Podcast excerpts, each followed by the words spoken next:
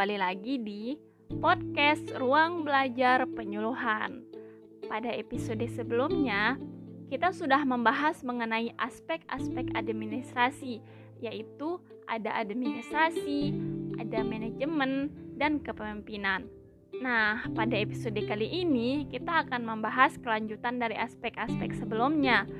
Poin-poin yang akan dibahas adalah komunikasi dan koordinasi, efisiensi dan efektivitas, kinerja dan produktivitas. Langsung aja ke poin pertama. Apa sih komunikasi dan koordinasi itu? Komunikasi udah nggak asing banget lah ya kita dengar kata ini. Oke, aku akan coba ngasih tahu sedikit aja ya. Jadi, komunikasi merupakan hubungan konflik antar manusia, baik individu atau kelompok baik pun sebuah proses atau jalan pertukaran informasi dua orang atau lebih dengan menggunakan isyarat simbol-simbol atau dengan cara apa pun yang efektif sehingga orang lain dapat menafsirkan apa yang dimaksud si penyampai pesan. Dalam komunikasi itu terdapat bentuk-bentuk seperti komunikasi intrapribadi, komunikasi interpersonal, komunikasi massa, dan komunikasi organisasi. Selanjutnya, apa sih koordinasi itu?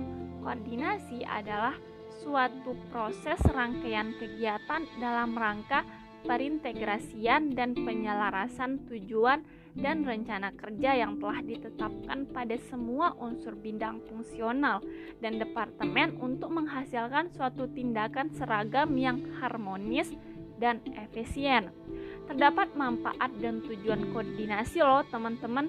Menurut Geraha, tujuan koordinasi itu seperti menciptakan dan memelihara efektivitas organisasi setinggi mungkin melalui sinkronisasi kebersamaan dan kesinambungan dependen suatu organisasi. Sedangkan manfaatnya itu adalah menghindari kekosongan pekerjaan terhadap suatu aktivitas dalam organisasi Lalu terdapat ciri-ciri dalam koordinasi loh teman-teman yaitu tanggung jawab. Koordinasi itu tanggung jawabnya itu terletak pada pimpinan. Koordinasi juga itu adalah suatu usaha kerjasama. Koordinasi itu proses yang terus-menerus adanya.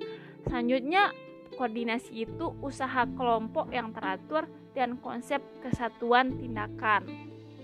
Nah, Kenapa sih perlu koordinasi dalam organisasi atau bahkan kegiatan penyuluhan? Karena yang pertama, dengan koordinasi dapat dihindarkan perasaan terlepas satu sama lain antar satu, satu satuan organisasi atau antar pejabat organisasi. Yang kedua, menghindari suatu pendapat atau perasaan bahwa satuan koordinasi atau pejabat yang paling penting. Yang ketiga, menghindari terjadinya kekosongan pekerjaan terhadap suatu aktivitas dalam organisasi. Dan yang terakhir, menimbulkan kesadaran di antara para pegawai atau para anggota untuk saling membantu satu sama lain. Oke, pembahasan koordinasi sampai di sini dulu. Kita next ke poin kedua, yaitu efektif dan efisien. Kata efisien pasti sering sekali dengar, tapi sering kali mendengar, tapi belum tentu tahu artinya. Nah, apa sih efisien efisien itu? Nah, menurut KBB ini, efisiensi diartikan sebagai ketepatan cara dalam menjalankan sesuatu dengan tidak membuang waktu, tenaga, biaya, atau lebih sederhananya, efisiensi bisa dikatakan suatu proses kegiatan yang mencapai hasil sebesar mungkin dan dengan pengorbanan sekecil mungkin untuk mencapai suatu tujuan tertentu. Nah, segitu segitu aja tentang efisiensi, lanjut ke efektivitas. Nah, apa sih efektivitas itu?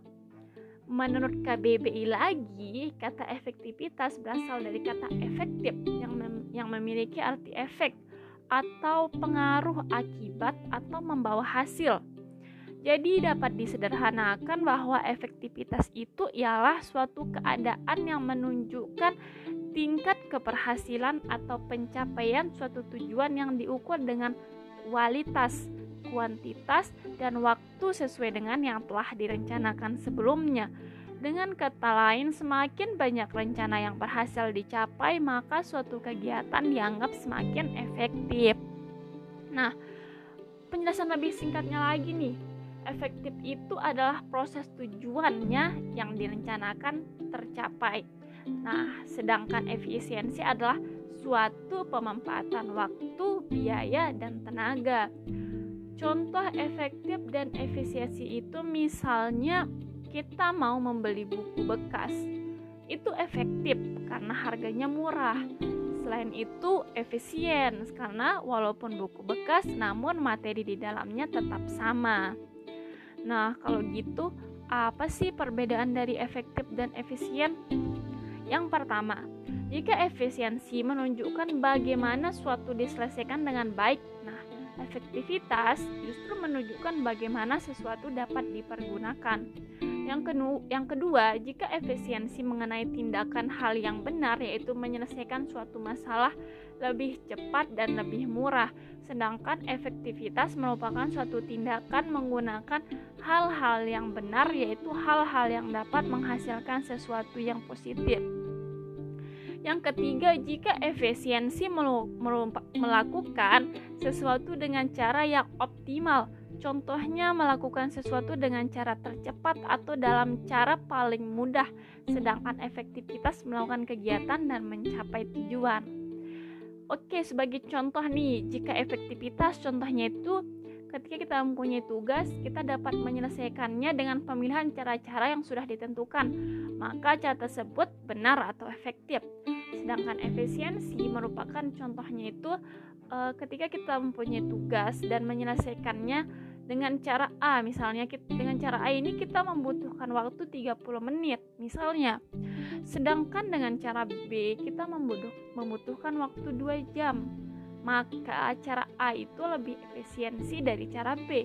Dengan kata lain tugas tersebut dapat selesai dengan menggunakan cara yang benar dengan efisiensi Oke, segitu aja penjelasan tentang efektivitas dan efisiensi. Selanjutnya kita beralih ke poin ketiga, yaitu kinerja dan produktivitas. Menurut Anwar Prabu, kinerja adalah cara kualitas dan kuantitas yang dicapai oleh seorang pegawai dalam melaksanakan tugasnya sesuai dengan tanggung jawab yang diberikan kepada kepadanya.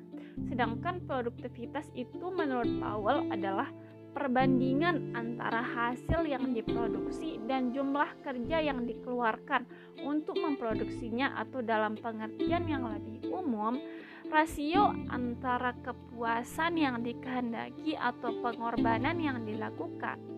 Nah, dapat dibedakan bahwa kinerja itu adalah hasil atau nilai dari sesuatu yang telah dikerjakan baik secara kualitas maupun kuantitas. Sedangkan produktivitas adalah perbandingan antara hasil kerja atau output dan sumber daya yang digunakan atau input. Mungkin pembahasan di episode di sini sampai di sini dulu ya, teman-teman. Semoga episode kali ini dapat bermanfaat untuk kita semua. Dan terima kasih banyak teman-teman sudah mau mendengarkan sampai akhir. Sampai jumpa di episode selanjutnya. Bye bye.